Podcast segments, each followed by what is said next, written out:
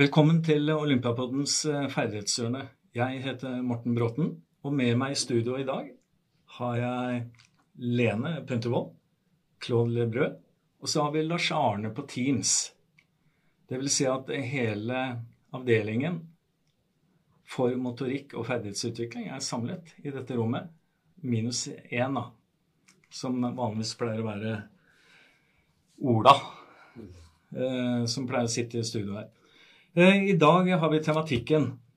Eh, vi har skrevet noen råd eh, som ligger på olympiatoppen.no. Det er jo, Lytterne kan jo gå inn der og, og fordype seg i det dokumentet som handler om råd for utvikling av unge utøvere innenfor motorikk og ferdighetsutvikling.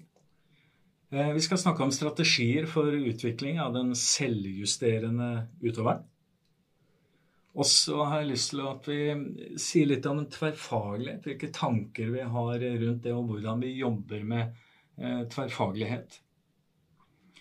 Men eh, først til eh, eh Lene og Lars Arne. Eh, hvordan var den prosessen med å lage de rådene? Hvordan eh, folk skal tenke eller å trene motorikk og ferdighet.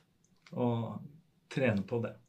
Hvordan gikk det? Hvem er det som eh, vil eh, Lars Arne er eh, på?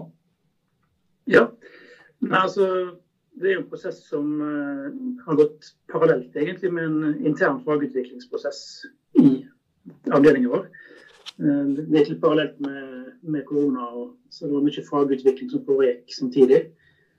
Og Det ble vel initiert for et par år tilbake av Jan Wojtacek fra utviklingsavdelingen. Og de som jobber med talentutvikling i Olympiatoppen. Ja.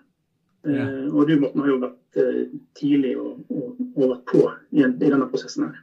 Uh, så ble vi i avdelingen enige om at Lene og jeg skulle prøve å utforme et utkast på vegne av avdelingen vår. Men i praksis så har jo hele avdelingen vært involvert i fagutviklingsarbeidet. da. Eh, både med gode innspill, diskusjoner og vi har hatt en del, god del møter på Teams. Eh, og etter hvert litt fysiske møter òg. Så det har vært en prosess som har vært eh, innholdsrik og over en viss tid. Vi tok utgangspunkt i erfaringer som vi har. Både rent sånn fra praksisfeltet og kan man fange opp gjennom mange år som konsulenter innenfor motorikk og ferdighetsutvikling. Så har vi i tillegg prøvd å finne fagstoff som på, på en måte utfyller bildet, og som underbygger eh, bildet. Det er summen av erfaring og innhenting av fagstoff. Og målet var å skape en helhet som var forståelig for, og meningsfull for de som les, leser dokumentet, da, av trenere f.eks. Ja. Ja, det er ikke noen tvil om at eh, det er det praktiske perspektivet her som vi prøver å informere om eller gi råd om. Lene? Jeg veldig, eh, har vært på samme prosess som Lars Arne. Men jeg syns sjøl som fagperson at det var eh, det å forenkle Jo mer vi dykka ned i det, jo lengre tid tok, tok, det for oss å forenkle. Så men det var veldig fint som fagperson òg å få lov til å reflektere rundt alt dette i forhold til hva vi gjør i praksis. Ja. Så det var veldig læringsfullt å være med på å skrive disse anbefalingene. Hvordan har dere gjort eh, inndelingen eh, i forhold til eh, alder og utvikling? hvordan har dere delt det inn? Vi har hovedsakelig delt det inn i før, under, etter pubertet. Ja. Men så kommer det jo Dette var noe vi diskuterte litt underveis òg, at det kommer jo veldig an på hvor Noen ting eh, følger jo litt alderstrinnet, men det kommer jo òg veldig an på hvor utøverne er kognitivt og, og, fysisk. Så det er jo ikke satte rammer, men det er jo liksom eh, noen rammer som kan være greie å ha kontroll og oversikt over. Eh, hvis dere ser på dokumentet i dag eh, Vi skal ikke gå gjennom det dokumentet linje for linje, men eh, hva er, de, hva er den viktigste gjengangeren i dokumentet? Lars Arne? Eh, altså, det er jo eh, jeg syns i hvert fall at eh, punktet læring har fått ganske stor plass. Og, og tilrettelegging for læring. Eh, det er en viktig, viktig faktor. Altså Motorikk er jo selvfølgelig fagområdet vårt, og, og, ferdigheter. Men òg det handler jo om å lære seg, uh, lære seg eller utvikle motorikk. Lære seg ferdigheter. Så læring er jo en rød tråd gjennom, eller tilrettelegging for, for læring. Uh, og det er vel kanskje noe av det som er òg i vår hverdag med etablerte utøvere har lært oss å vektlegge mer og mer. Da. Mm. Ja. Hvilken metode for læring er det som er fremtredende i dokumentet? Oppdagende læring. Ja. Mm. Hva, hva, hva, ligger i det, Lene? Det ligger jo i at man eh, ønsker at de skal finne svar sjøl før de får et svar servert. Så som trener da legger til rette for at de kan oppleve og oppdage nye bevegelsesløsninger. Ja. Og det kan jo gjøres gjennom organisert lek eller lek, eller eh, når de blir eh, mer erfarne utøvere òg, passer på at liksom, man hele veien jobber med den oppdagende tingen, og ikke gir for mye feedback, f.eks. En ja. fasit. Ja. Sånn. Når, når, du snakker om eldre utøvere, så snakker vi kanskje om at de må finne feedbacken sjæl. Mm. Lars Arne? Jo, eh, jeg er helt enig. Og dette her med, med feedback, eh, det henger jo veldig tett sammen med læring. Eh, så det å gi rom for at utøverne skal sense litt sjøl, eh, og kanskje reflektere litt sjøl over det de presterer, ja. før de får mm. dommen. Så bruken av feedback er veldig tett knyttet opp mot oppdagende læring. Mm. At den ikke blir for Eh, for ytre fokusert. At en bare sier at noe var bra nok eller godt nok. Men at utøverne må få tid til å, til å registrere og reflektere eh, ja. det de har gjort. I forhold Ja, Lene? Nei, det var Ja. I, i forhold til å tilrettelegge for barn, da. Eh, oppdagende læring. Hva du nevnte i stad, lek. Hvis du kommer til eldre utøvere, hva, hva gjør man eh, da? Hva, eh, Lars Arne? Nei, altså, Du kan jo fortsette å leke, selvfølgelig. Eh, men du kan også strukturert jobbe med, med, utvikling av Eller tilrettelegging av oppdagende læring. Da snakker vi gjerne om å bruke forskjellige metoder for læring. Da. Det kan være blokkmetode eller serie eller randomisert. Og, og, kanskje det siste der er noe som er trykker litt til vårt hjerte. Randomisert, altså at det er en variert og litt tilfeldighet på, på rekkefølge. Ja. Som kanskje gir en ekstra god grobunn for, for læring, da, sånn som jeg ser det. Altså, Variasjon er et viktig begrep i oppdagende læring sånn som vi tenker? Absolutt. Claude? Ja, altså det, vi har merket at uh, toppidretten er en tendens å jobbe mer og mer spesifikk. Og vår jobb ofte handler om å stimulere igjen. Mm. Og dem å tørre å gjøre feil og mm. leke fortsatt. Og, og berige kroppen. Og ikke bare tenke uh, en eller to løsninger. Hvis vi snakker om eh, variasjon, oppdagende læring, det er to viktige elementer i det notatet. Mestringa, mestringsglede, hva kommer det fram i dokumentet? Det som har med mestring å gjøre? Absolutt. Og uh, vi nevner jo i hvert fall dette fordi altså, dette gjelder uansett hvor du er hen i prosessen som utøver. Men det er jo òg å bruke feedback som, for å bekrefte noe som er bra, f.eks. Ja. Eh, og så heller tenke at hvis du har et ungt, unge utøvere som du ser det en sånn mangelfull utførelse, en mangelfull løsning, så at du kanskje heller da manipulerer oppgaven og miljøet for at de skal kunne finne ut av kanskje noe bedre, enn at du gir dem svaret. Ja. Mm. Eh, mestring eh, for barn og ungdom. Mestring for voksne. Vi jobber jo med voksne utøvere. Er det, er det av samme betydning som for barn? Jeg, jeg tror det. Eh, og spesielt hvis du En ting å legge til rette i oppgaver som er mulig å løse. Som når du løser oppgaver, at det gir mestring. Men det er kombinert med at du har utviklet, eller utøver forstår hensikt med meningen med, med, tiltaket, så tror jeg det, det, gir mestring. Og det tror jeg er ekstremt viktig på alle nivåer. Ja. Claude?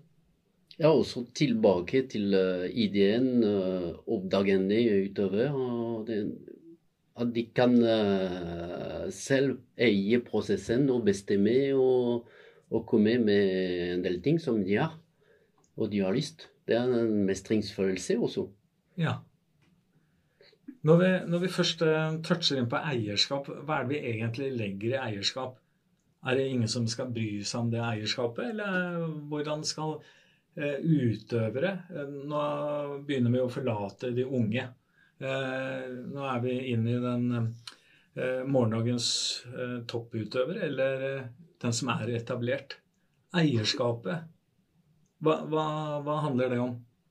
Det som vi ønsker at utøveren skal ha om sine prosesser.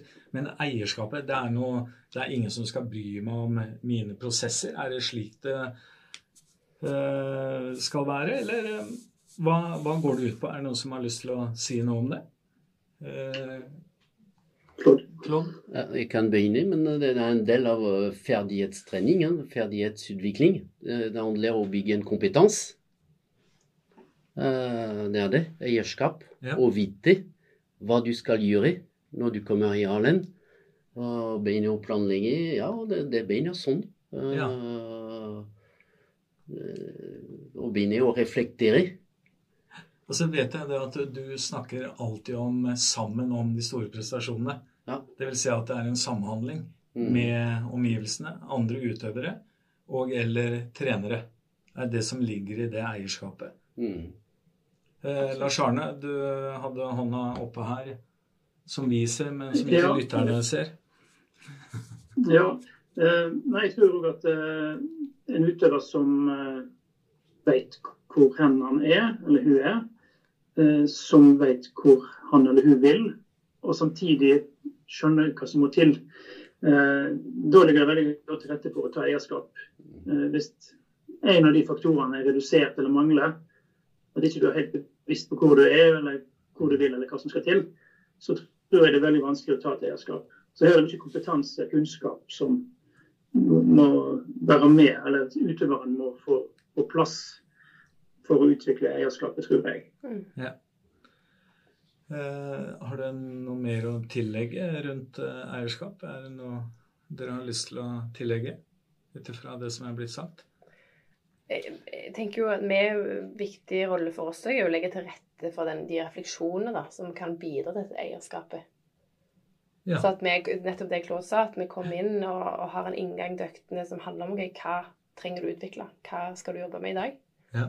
Og det er jo ikke alle som er vant med å svare på de spørsmålene. Sant? Noen er jo vant med å, å, få beskjed om hva de skal gjøre. Ja. Selv på et høyt nivå. Ja. Så det er jo en viktig rolle vi har. Det er jo å hjelpe dem i denne prosessen. Vi har nå fada over til selvjusterende utøvere. Så eierskapet er en del av det. Eh, er det noen av dere som eh, vil si noe om de strategiene dere har for å skape den selvjusterende utøver? Men først så bør vi kanskje si litt om eh, selvjusterende på hva da? Handler det bare om bevegelser? Eller handler det om mer enn bare akkurat de motoriske løsningene som vi trener på? Så vi kan jo begynne med deg, Lars Arne. Er det, hva, hva, hvilke strategier hvordan, hvordan, får du en utøver til å bli selvjusterende og ta det ansvaret for sine egne prosesser? Et uh, stort spørsmål uh, ja, som jeg syns ikke er så enkelt å svare på. Men, uh, et, et, svar. Men jeg tror at det å prøve å ha en litt sånn åpen approach, at når du møter utøveren, at jeg prøver ikke å være for hva forutinntatt ja. hva jeg tror pleier å hjelpe. Og at jeg får utøveren sin versjon på, på bordet først. Uh, det er for meg å at ja, det, det er vanlig at håndballspillere uh, har litt for dårlig stabilitet i hofte. Så må jeg passe på at jeg ikke går løs på bare den og, og tenker hoftestabilitet. Fordi det er håndball. Det finnes ufattelig mange variasjoner innenfor håndball. Og så må jeg passe på at jeg åpner opp for at utøverne kommer med sin versjon. Hvis jeg klarer det, så tror jeg det er et godt utgangspunkt for å, å legge til rette for sjølregulerende utøvere. Uh, og Her kaster jeg nok litt sånn stein i, i glasshus, for det er ikke alltid at jeg er så god på det. Uh, så det er noe jeg jobber med. Ja, vi, vi, kan vel legge til at vi alle sammen jobber med det hele tiden for å bli bedre på den biten her. sånn. Uh, du er inne på noe som vi jobber med daglig her. Det er inngangen til økta for å jobbe med den selvjusterende utøveren. Det er en del av strategien eh, for å skape et ansvar som ligger hos utøveren for de prosessene vi er med på. Så eh, hva, Lene, hva legger du vekt på i inngangen? Eh, Lars Arne har sagt noe. Mm.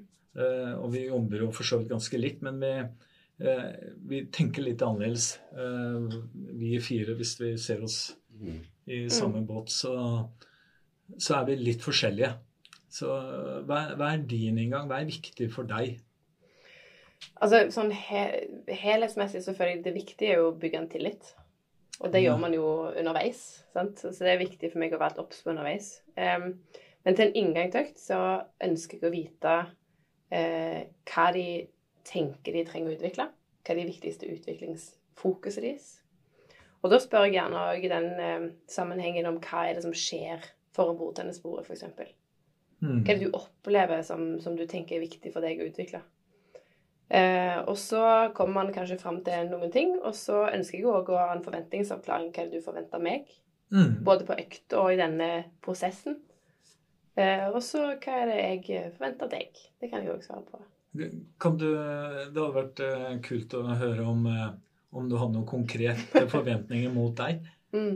Eh, har du noe som du kan levere til Ja, absolutt. Ja. Jeg får veldig ofte beskjed om at de forventer at jeg skal være tydelig og direkte. Ja. Og ærlig. Ja. Ærlig er ofte en ting som går igjen. Ja. Mm. Så er det ikke alltid at eh, det er så lett eh, å ta imot ærlighet. Nei. Og vi sier det alltid for å utvikle det, og det er jo begge parter klar over. Ja. Men, men, da må vi bli enige. Så, men, men vil du ha Skal vi være ærlige? Eller, ja. og kanskje òg finne ut om utøveren hvordan responderer du på feedback. Sånn, skal, jeg, skal jeg gi beskjed um, Jeg prøver jo ikke å gi for inngripende feedback. Jeg vil at de skal finne svarene sjøl. Mm. Men jeg prøver jo òg å finne ut i løpet av kanskje ikke bare samtalen, men i øktene hvordan responderer du på ærlig feedback? Sant? Skal jeg bekrefte det som er bra? Skal jeg være veldig ærlig når jeg tenker at her er det Dette er kanskje helt det du leter etter, det er helt optimalt. Så det er jo en, det er jo en, det er jo en prosess, dette òg, å finne ut hvordan dette mennesket funker. Ja. Det er jo ikke alltid man finner ut av det i én samtale, én inngang til en økt. Liksom. Klon? Det, det, det handler, som jeg sier ofte, jeg har lært å, være, å, å bli tålmodig. Ja. Det handler om å lytte. Mm. Den eh, samspill, det er inngangen. Og lytte hvor de kommer fra, hva de har gjort. Og, og så trigge kanskje nysgjerrighet på, på, hva vi skal gjøre sammen. Mm. Ja. Det, det, det har jeg gjort. Mm. Um, Lars Arne, har du noe å tilføye sånn underveis her i forhold til inngangen? Til Nei, jeg har, uh, ja. det, men, men overskriften på inngangen er på en måte Eh, forventningsavklaring. Eller mm. avklaring. Og, og, og mål, målsetting, hensikt, tenker jeg er viktig å ta på. Claude? Og spesielt på når det gjelder læringsmomentet. Mm. Ja. Og ikke bare intensitet, som mm. vi, eh, vi, treffer ofte. Jeg skal svette og Nei, men hva skal du lære? Mm. Hva skal vi eh, lære sammen? Og det er jo en viktig ting når man ser at noen utover kanskje sier 'jeg har lyst til å gjøre den øvelsen' så er det jo litt opp til oss å stille spørsmål ja, men hva vil du lære? Ja. Hva du ønsker å lære ved å gjøre kanskje den øvelsen, eller hva du generelt ønsker å lære? Mm. Fordi at man er litt kanskje ja, jeg har sett at dette er noe alle de andre gjør, så da er det veldig viktig for meg òg, uten å kanskje ha en tydelig hensikt på er dette egentlig viktig for meg. Da? Jeg hadde en økt i dag tidlig eh, med en utøver. Hvor eh, vi gikk gjennom forventninger og, eh, og, hensikter. Og så gikk vi gjennom en video fra forrige økt for å ta opp igjen en eh, utfordring som vi jobba med. Så klargjorde utøveren eh, hvordan hun skulle løse den utfordringen. Så gikk vi inn i økta, med, og da tror jeg Eh, når, når, vi gjør sånne innganger, så tror jeg at vi starter på en høyere kvalitet hvis, mm. enn hvis vi ikke hadde gjort det. Mm. Og, og, jeg tror det, For i det som vi gjør i inngangen, det handler om eh, å egentlig å monitorere ja. hva man driver med. Mm. Eh, det vil si at man evaluerer sin egen prosess. Og da, når utøveren gjør det, eh, så tror jeg vi er, er på gang med en fornuftig prosess mot selvjusterende utøvere. Men det handler om å være selvjusterende på ikke bare bevegelser. Det handler om å være selvjusterende i forhold til hvordan føler jeg meg i dag. Mm. Kanskje vi skal nedtone intensiteten. Selv om vi driver med bevegelser, så kan intensiteten være ganske høy innimellom. Og loadinga kan jo være ganske høy. Så, så det, det, det, handler om mye mer enn bevegelser å være selvjusterende. Det kan være å selvjusterende i forhold til hva som er målet. Mm. Jeg hadde en utøver som sa at eh, nå vi må forkaste hele greia, for dette rekker vi ikke. Det er en utøver som er selvjusterende på det som vi satte oss som mål i den prosessen. Vi måtte bare kutte ut og legge det fra oss og begynne neste, neste sesong. Så det er et godt eksempel på å være selvjusterende. Mm. mm og ha innsikt. Vi snakker også om kalibrering. Det er litt det samme som monitorering. Ja, ja. Og det går på kommunikasjon og samspill og målsetning og Ja. ja. Det, hvis vi tar um, um, det med utgangen, da. Eh, Lars Arne, har du lyst til å begynne litt på liksom, Hva legger du vekt på i utgangen? Nå, har vi snakka en del om inngang, og det, vi kan jo snakke om det i timevis, egentlig. Eh, men eh, i utgangen av en økt Det kan godt være i utgangen av en samtale òg, for så vidt, men i utgangen av en treningsøkt, hva er, det du kommer innpå der, uh, Lars Arne? I forhold til den påvirkningen vi ønsker mot selvjustering? Jeg syns det er veldig greit å ta en form for evaluering. Uh, slå tilbake på inngangen og om mm. prosessen gikk sånn som man hadde håpet eller mm. planlagt. Um, og Hvis den ikke gikk som planlagt, så kan det godt hende at det var bra. Uh, at det skjedde endringer underveis. For vi har jo en refleksjonsdel underveis som gjør at det er jo mulig å endre kurs i løpet av ei økt. Så det å se tilbake på, på om, har, om det gikk som forventa. Det tror jeg er en ting som vi prøver å få plass til i utgangen. Og så er det veldig viktig å prøve å konkretisere hva nå. Eh, hva tar du med deg, på hvilken måte tar du det med deg videre. Eh, slik at det blir på en måte putta inn i en helhet. At det ikke blir en sånn happening eh, som slutter når timen er slutt, og så blir det ikke tatt opp igjen før neste økt. Så det må jo vi må prøve å få, få, fram på en eller annen måte det som skal gjøres til neste gang. Ja. Det, du jobber egentlig du, du, jobber litt med minne underveis her også. At du, du fresher opp minner fra økt til økt, egentlig. Og eh, fra inngang til utgang. Og så fresher opp på neste inngang til neste økt også. Sånn at eh, utøveren er, er, på med, er på fra start. Eh, bare før jeg slipper deg til, Claude. Eh, det, som, eh, det som slår meg eh, Vi har jo vært igjennom en utvikling sjøl, og sjøl har jeg vært igjennom en utvikling. Eh, kunne titt og ofte ha utøvere som sa ja, 'Hva var det vi holdt på med forrige gang, Morten?' Hva, og da har da har prosessen vært utydelig og blørete eh, og lite klar på hensikter og forventninger. Så det er vel eh, kanskje en av de største forskjellene fra 15 år tilbake i tid og til nå. Mm. Det kan, ja, det, det kan skje. Vi, vi, har noen oppfølginger utover som kommer uh, hver tredje måned, eller hver, som vi ikke ser ofte. Mm. Og det, det, er interessant å, å, sjekke, bekrefte eller avkrefte hva som har blitt lært, hva som har kommet i hverdagen, som du sier, Lars Arne. Det er selvjusterende uh, utover. Det er de som uh, tar med seg i hverdagen uh, den øvelsen skal komme i oppvarming av idretten min. Den øvelsen skal komme i styrke og ja, ta videre en del rutiner. Da, da vil ikke lykkes. Ja, fordi du er jo særdeles flink til å jobbe med å implementere ja. rutiner. Eh, og da oppnår du eh, Eller hva vil du oppnå med det? Har du noen tanke som du kan levere til lytterne, eller? På, på det? Hvorfor jobber du hardt med at de skal implementere det som du holder på med, på en eller annen måte? Det er, noe Det er de som driver med prestasjonen og idretten. Det er, det er ikke meg. Så det er de som må, som må tilbake til den eierskap. den eh, eierskap til prosessen. De skal, de skal, kunne eh, ta et steg videre og kjenne i dag ja, jeg kan uh, ta et steg videre. Jeg, kan, uh, jeg har gjort det i går, og jeg skal uh, jobbe gjennom disse øvelsene. Og det skal hjelpe meg til å bli bedre. Det er mm. det. ja. Og de gode, de gode beslutningene som kommer i hverdagen, ja. Mm. som er målet. Jeg ser jo det, hvis vi kan eh, snakke om eh, de aller beste De, de er jo selvjusterende før de kommer til oss, antagelig. Eh, men de Hvis vi kan snakke om hjemmelekse Det må jeg si at det er sånn fellesgreie mot veldig mange av de aller, aller beste.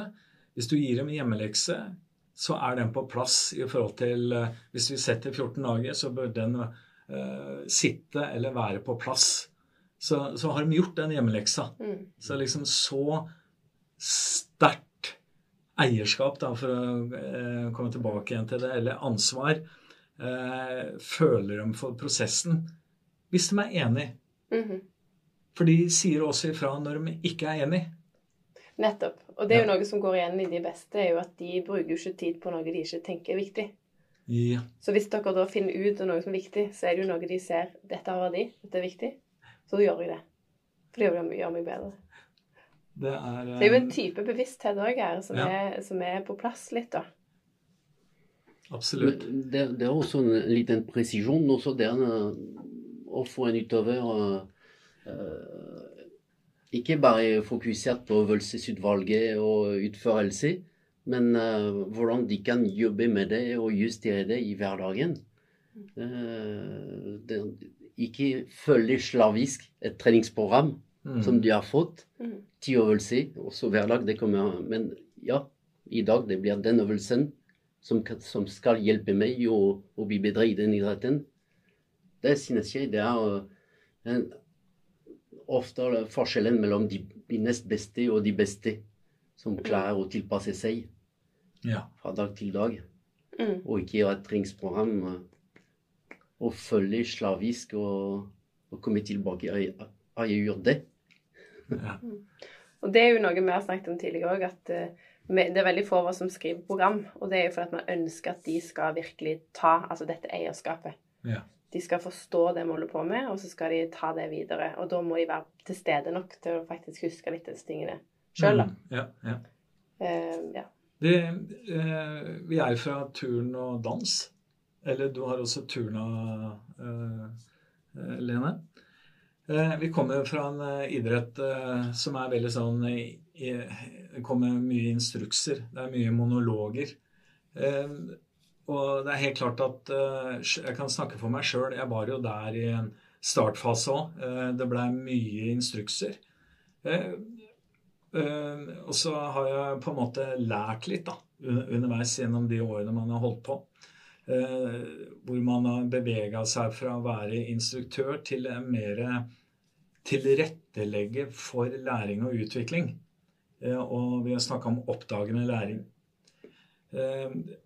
Eh, Hva har, det, hva har vært den største utfordringen for dere i så måte? Eller har dere uh, vært et annet sted enn det jeg prøver å formidle nå? Hva med deg, Lars Arne? Hvor har du vært hen i forhold til det å formidle feedback? Eller i forhold til feedback, da, kommunikasjon og feedback? Jeg tror jeg har vært innom hele spekteret. Eh, jeg har vært eh, instruerende og korrigerende. Eh, dømmende, holdt på å si. Hvor jeg bare har Hvor feedbacken ikke har en verdi, på en måte. da. Til at jeg jobber meg i retning av å, å bruke feedback bevisst. Så selvfølgelig skulle du kunne si om noe gikk sånn som det var tenkt eller ikke, og gi tilbakemelding på. Men en må være bevisst på når en bruker det, og, og, mengden av, av, feedback, selvfølgelig. Um, jeg prøver i hvert fall stort sett å få utøverens opplevelse på bordet først.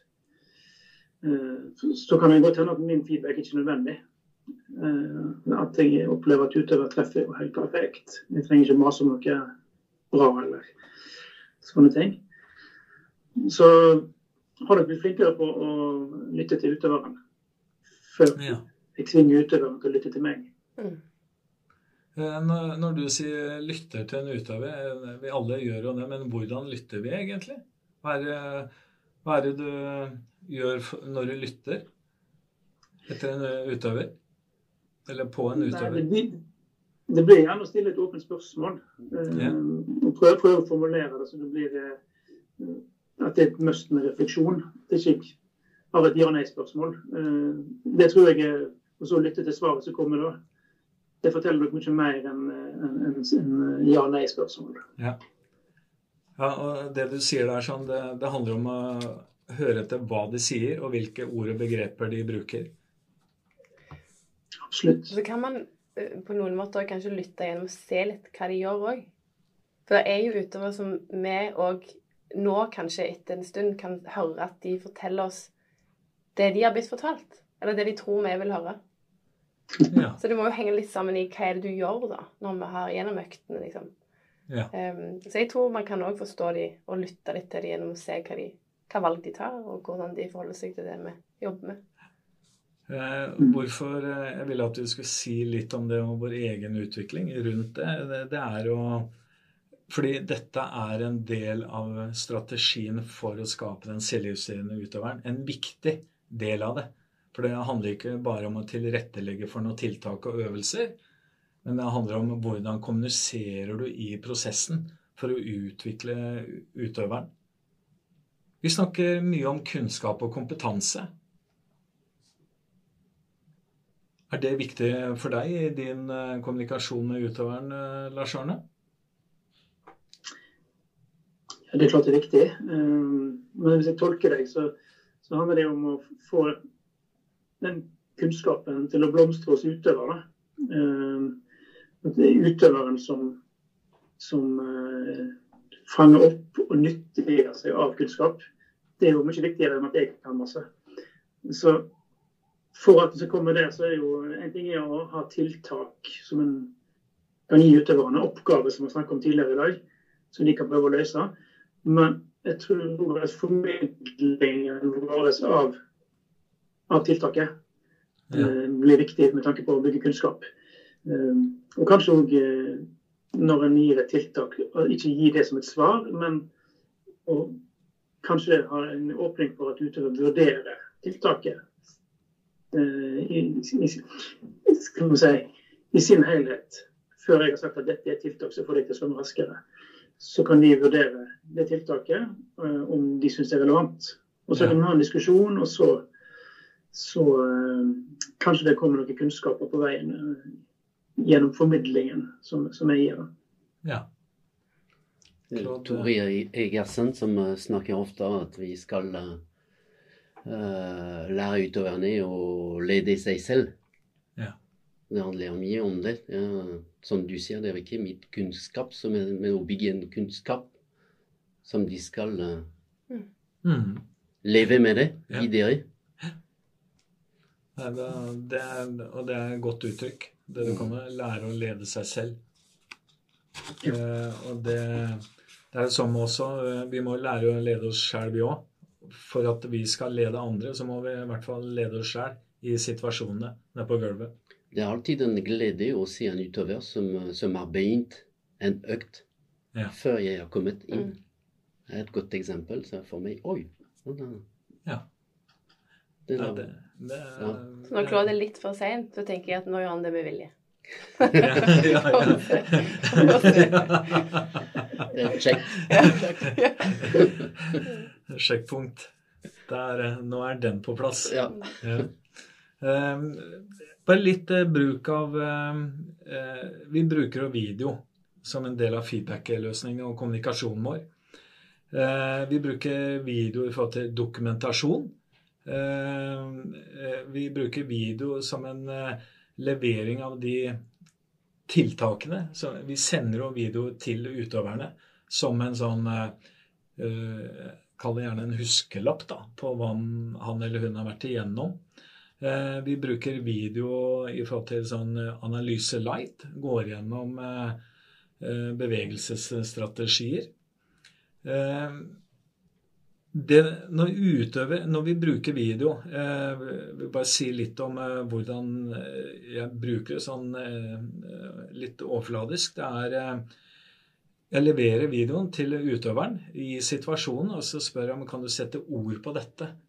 Kan du, kan du fortelle meg hva du ser?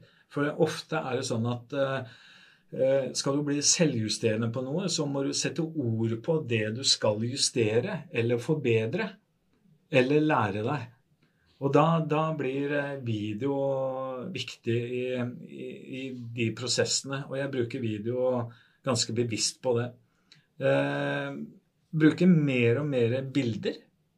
Tar ut bilder for å unngå at det blir for mye med video, men at det blir en sånn pre presis levering på hva som kan være utfordringen. Og da er det lettere for utøverne også å begrense eh, sine refleksjoner rundt, rundt det, enn at eh, du får hele videoen. Eh, så, så er det sånn at eh, når utøveren eh, greier å beskrive hva han eller hun gjør, før hun eller han ser videoen, og hvis det stemmer overens, det, de indre følelsene, med det de ser på videoen, da, da er det på en måte en god prosess i gang, da. Eh, Når det stemmer overens, når det er kalibrert fra utøveren sin side, og med hjelp fra våre observasjoner kan det se sånn ut. Så hvis det stemmer overens med Det er ikke alltid at følelser stemmer, da. Eh, Det kan eh, være at eh, følelser Du kan bli lurt av det også. Men Mm. eh, man må i hvert fall spille litt på det. For bevegelser handler jo om eh, følelser. Og så er det jo noe vi snakket litt innledningsvis, eller før denne podkasten, var jo om vaner. Eller automatisering. Ja. Og så kan det jo òg være at man har en løsning som føles veldig god ut. Ja. Og så er det kanskje ikke helt Hvis du faller sammen i kne, for eksempel, Ja. så ser vi at det er kanskje ikke en helt optimal løsning. Men da er jo det en veldig fin måte å synke litt sånn Ja, det kjennes kanskje godt ut, men det er kanskje ikke helt det du er ute etter. Prøv å synke hvordan kjennes det, og hva det egentlig jeg gjør. Mm. Eh, Lars Arne, hvordan bruker du Du, du jobber jo også med morgendagens borti Bergen, Olympiatoppen eh, vest. Eh, eh, bruker du video mot de? I noe særlig grad, eller åssen? Ja, jeg bruker nok video aller mest som en, eh, en slags eh, dokumentasjon på det, det som gjør det. Eh, Men jeg syns det er OK hvis utøverne har med video av seg sjøl i sitt element. Ja. Altså når de viser med prestasjonen, så, så, så syns jeg det er en veldig fin måte å, å, å, bruke video på. Da er jo de eksperten eh, og forteller meg hva de ser og hva de jakter på. Eh, Så det å, å bruke videoen den veien òg, at det ikke bare er vi som filmer, men de filmer òg, og, og vi har refleksjon omkring det, det kan være fint. Og så bruker jeg av og til litt sånn som du, Morten, gjør. At jeg prøver å få de til å sette ord på hva, de ser, eller hvordan de tolker det, det som er på videoen. Men i hovedsak så er det nok dokumentasjon som jeg bruker det mest til. Ja. Noen eh, tilleggserfaringer eh, der, folkens? Er det, er det noe dere mener at utøveren Ikke utøveren, men lytterne har du noen morsomme historier rundt det? Jeg har en morsom historie, jeg må bare dra den. Det gjelder eh, nede, hvor, som er knytta til en video, en stor screen. Det er én utøver som eh, gjør hoppet på den plattformen og gir omgivelsene feedback. Og den feedbacken stemmer på en prikk med det som kommer opp på skjermen. Da tenker jeg at eh, da er ting veldig kalibrert. Mm. Så er det også en utøver, som, en annen utøver som gjør det samme, hvor det ikke er kalibrert. Eh, så om så får man jo spekulere rundt det, da. Eh, hva, hva må til her? Men eh, vi, vi, går over på siste del. Eh, tverrfaglighet. Det handler om samhandling med idretten, ikke minst. For vi jobber jo tverrfaglig med idretten. Men vi jobber også tverrfaglig med andre fagområder her på huset mot idretten eller utøveren, da. Eh, hva er, eh, hva er din holdning til eh, tverrfaglighet, Lars Arne? Jo, det er jo at for å bruke floskler, det er positivt. Men det er veldig ulike, ulike som vi kaller det, grader av omfanget av tverrfaglighet. Ja. Jeg har opplevd tverrfaglighet som har vært veldig korte møter med f.eks. psykologi og helse som har hatt stor impact på, på, det man har gjort, uten at det har vært omfangsrikt. Jeg jobber med, med idretter hvor jeg har mer omfattende samarbeid med f.eks. kraftstyrke. Eh, hvor vi møtes relativt ofte. Eh, og jobber sammen om eh, utviklingsområdet som utøverne har. Eh, men generelt så mener jeg at det er for min del, eller fra mitt ståsted, så mener jeg at potensialet er stort ennå. Det kan bli enda tettere og enda bedre. Ja. Selv, små, selv om de små kan være bra, med korte treff og gjerne en rehab-setning f.eks., så kan det fortsatt bli enda bedre. Og det, jeg tror det er viktig at man jobber med, med, med tverrfagligheten. Ja. Claude? Ja, jeg tror i en helhetlig perspektiv er det viktig å ikke bare tenke å levere uh, en boks, en fag. Mm. Hver sin avdeling skal levere uh, en boks. Jeg tror det er, det er, viktig å fylle inn en uh, hylle. Mm. En boks med flere hyller. Det er mm. kanskje tanken. Og da, da, da trenger vi å samarbeide og et samspill. og og gi rom til kraftkirke, kraftstyrke, eller omvendt. Og så det er ofte at vi skal reise med idretten. Og det er viktig å se at det, eh, når du kommer på besøk i en klubb, da det er allerede noen rutiner, og hvordan skal vi implementere? Og da må vi tenke litt mer tverrfaglig. Mm. Og gi plass til uh, de andre. Mm. Og det, liksom, eh, Hvorfor skal man jobbe tverrfaglig? Jeg husker det fra den gangen jeg jobba i skoleverket. Jeg hata jo det. Det var det verste jeg visste. Eh, for jeg følte at faget ble forringa. At jeg ikke fikk eh, plass nok. Men det ligger nok Siden den gang så har du kommet på en del erfaring, da, så man ser tydeligere at skal man jobbe med helheten, så må man jobbe tverrfaglig. Så det, det, er liksom eh, Men eh, som ung så var ikke den helt klar hos meg. Mm. Og jeg var innom et trenermøte her om dagen med trenere med erfaring og ikke-erfaring. Og de uh, var også litt der sånn De var ikke så veldig positive til tverrfaglighet. Men det har noe med liksom hvordan du ser faget ditt og, og, og har erfaring, da.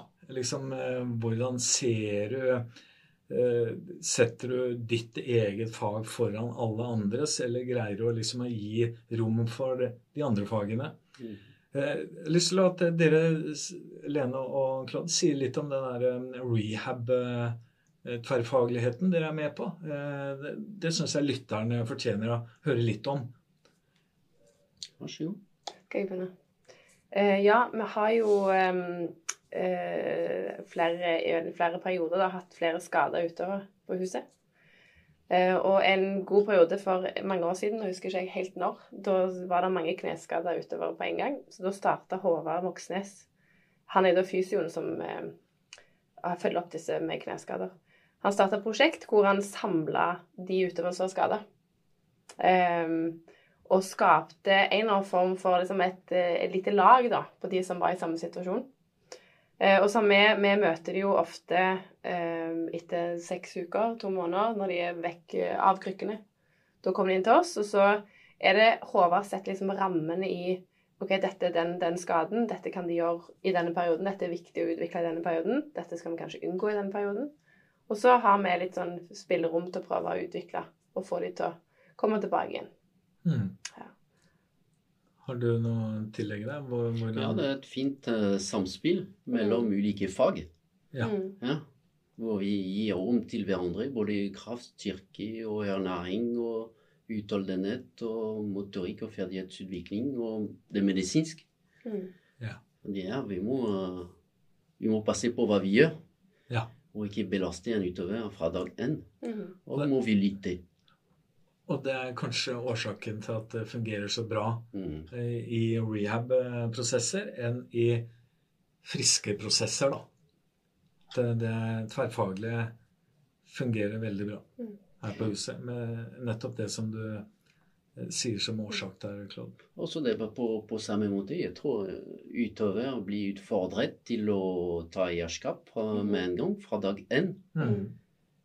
Ja, de, de må, det er ofte at vi må begynne på nytt i den prosessen. De har vært toppidretten, de har fått beskjed og møte og gjøre det sånn, sånn, sånn.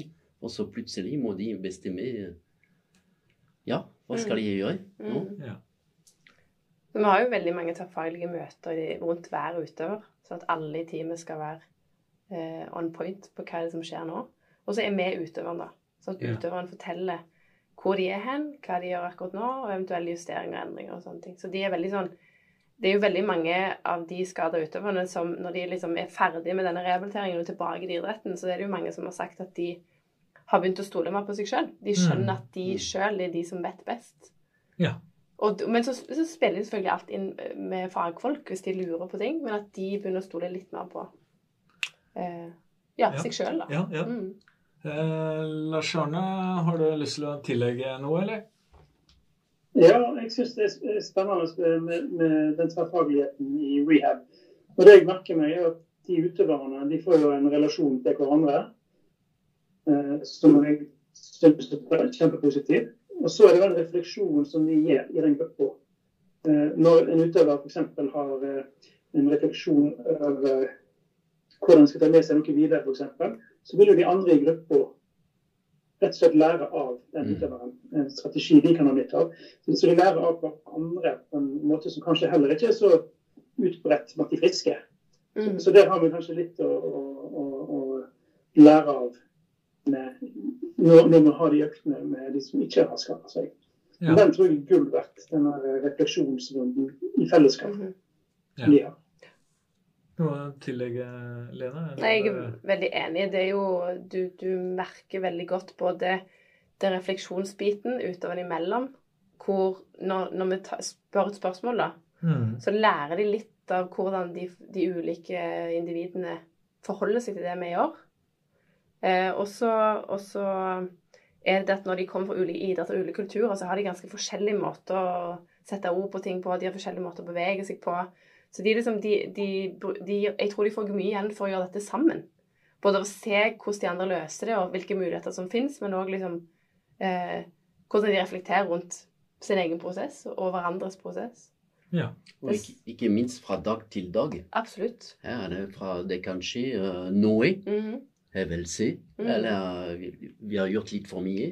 For, de må komme på banen. Mm. Eller apropos selvjusterende utøvere, de de må være aktive for å bestemme økta som kommer mm. neste økt. Hva har, du, hva har du tatt med deg? Du vært, er det ok? Kan vi ta et steg videre? Hva skal vi gjøre? Mm.